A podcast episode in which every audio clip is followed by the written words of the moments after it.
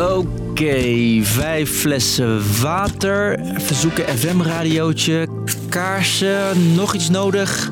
Een goed leger. We have to be able to defend ourselves. Ik denk dat we ons eh, terecht moeten zorgen maken. Moeten wij ons echt voorbereiden op oorlog? Daar gaat het steeds meer over. Als het dreiging toeneemt in uh, de wereld, heb je gewoon meer mensen nodig. Maar ons leger staat er niet al te best voor. En dus gaat het weer over de dienstplicht.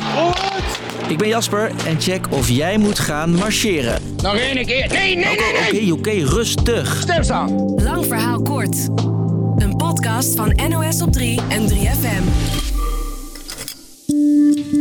Word je 17, dan valt er een brief op de mat van het ministerie van Defensie. Dit jaar word je 17 jaar of ben je geboren. Het bereiken van de leeftijd van 17 is van belang voor de inschrijving van de dienstplicht. Dienstplicht, want die is er nog. Sinds 1811 al. 30 jaar geleden betekende dat nog kisten aan en hop naar de kazerne. Hop! De linkerbeentje omhoog! Ik vind het hartstikke gezellig in dienst. Ja, op de goede kant en de slechte dingen. Niks aan. En waarom niet? Veel kou, weinig vrede. Eind jaren 80 eindigt de Koude Oorlog en in de jaren erna snappen de mannen die in dienstplicht zitten niet echt meer waarom. Bestaat die vijand eigenlijk nog wel? Volgens de, de hoge heren in het leger nog wel. Maar ik zie, nog, ik zie geen vijand meer. Weigeraars proberen onder de dienstplicht uit te komen. Voel je je gezond? Bij de keuring. Was je vroeger ook gezond? Heb ik alle psychosomatische klachten die er stonden, is een beetje aangekruist. Dus hartkloppingen, oorsuizingen. Dus ik dacht, nou ja, dan, dan zullen ze op zijn minst vermoeden dat er iets niet in orde is. Uien onder je oksel? Mensen die heel stinken, die waren niet prettig om te keuren inderdaad. Dat wil niet zeggen dat je afgekeurd werd. Eind jaren 90 is het klaar met die opkomstplicht. Vind je ook nog in die brief. De opkomstplicht is opgeschort. Nu we afscheid nemen van hen, nemen we ook afscheid van een traditie. Eigenlijk zou je kunnen zeggen dat de dienstplicht verleden tijd is. Nederland gaat verder met een beroepsleger. Nu zijn alleen mannen en vrouwen die ervoor kiezen in dienst van het leger. Je moet het kunnen. De politiek kan die opkomstplicht weer invoeren.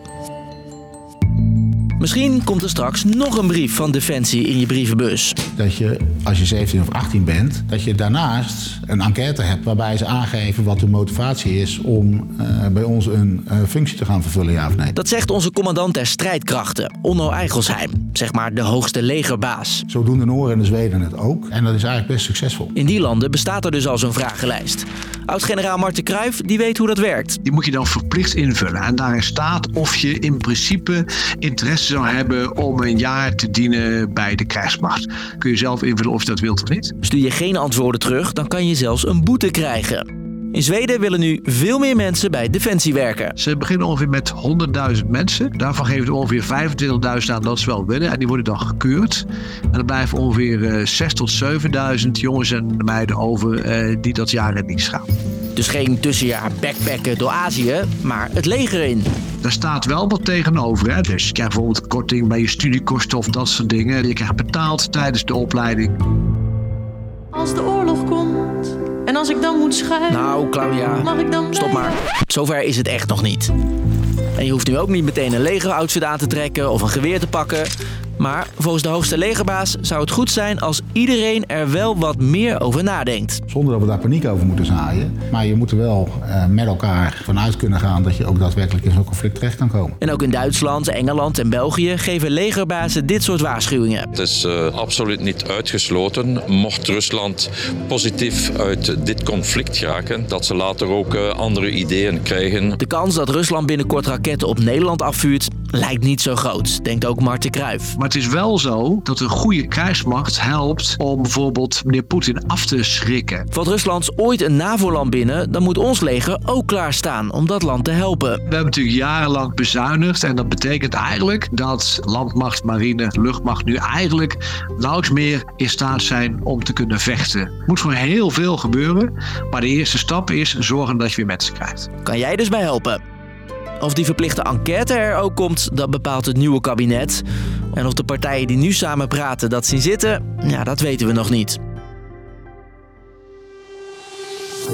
Dus, lang verhaal kort. Legerbazen in Europa waarschuwen dat iedereen wat meer bezig moet zijn met defensie. Want er is een kans dat er ooit weer oorlog komt. De Nederlandse commandant der strijdkrachten wil daarom, net als de Noren en de Zweden, een enquête. Om zo jongeren aan het denken te zetten. Of die er ook echt komt, dat bepaalt de politiek. Oké, doen wij hier ook nog even een korte enquête? Wil jij nog een podcast? Nou, unaniem ja. Mooi, want elke werkdag om 5 uur dan is er weer een nieuwe aflevering. Bedankt voor het luisteren. Doei!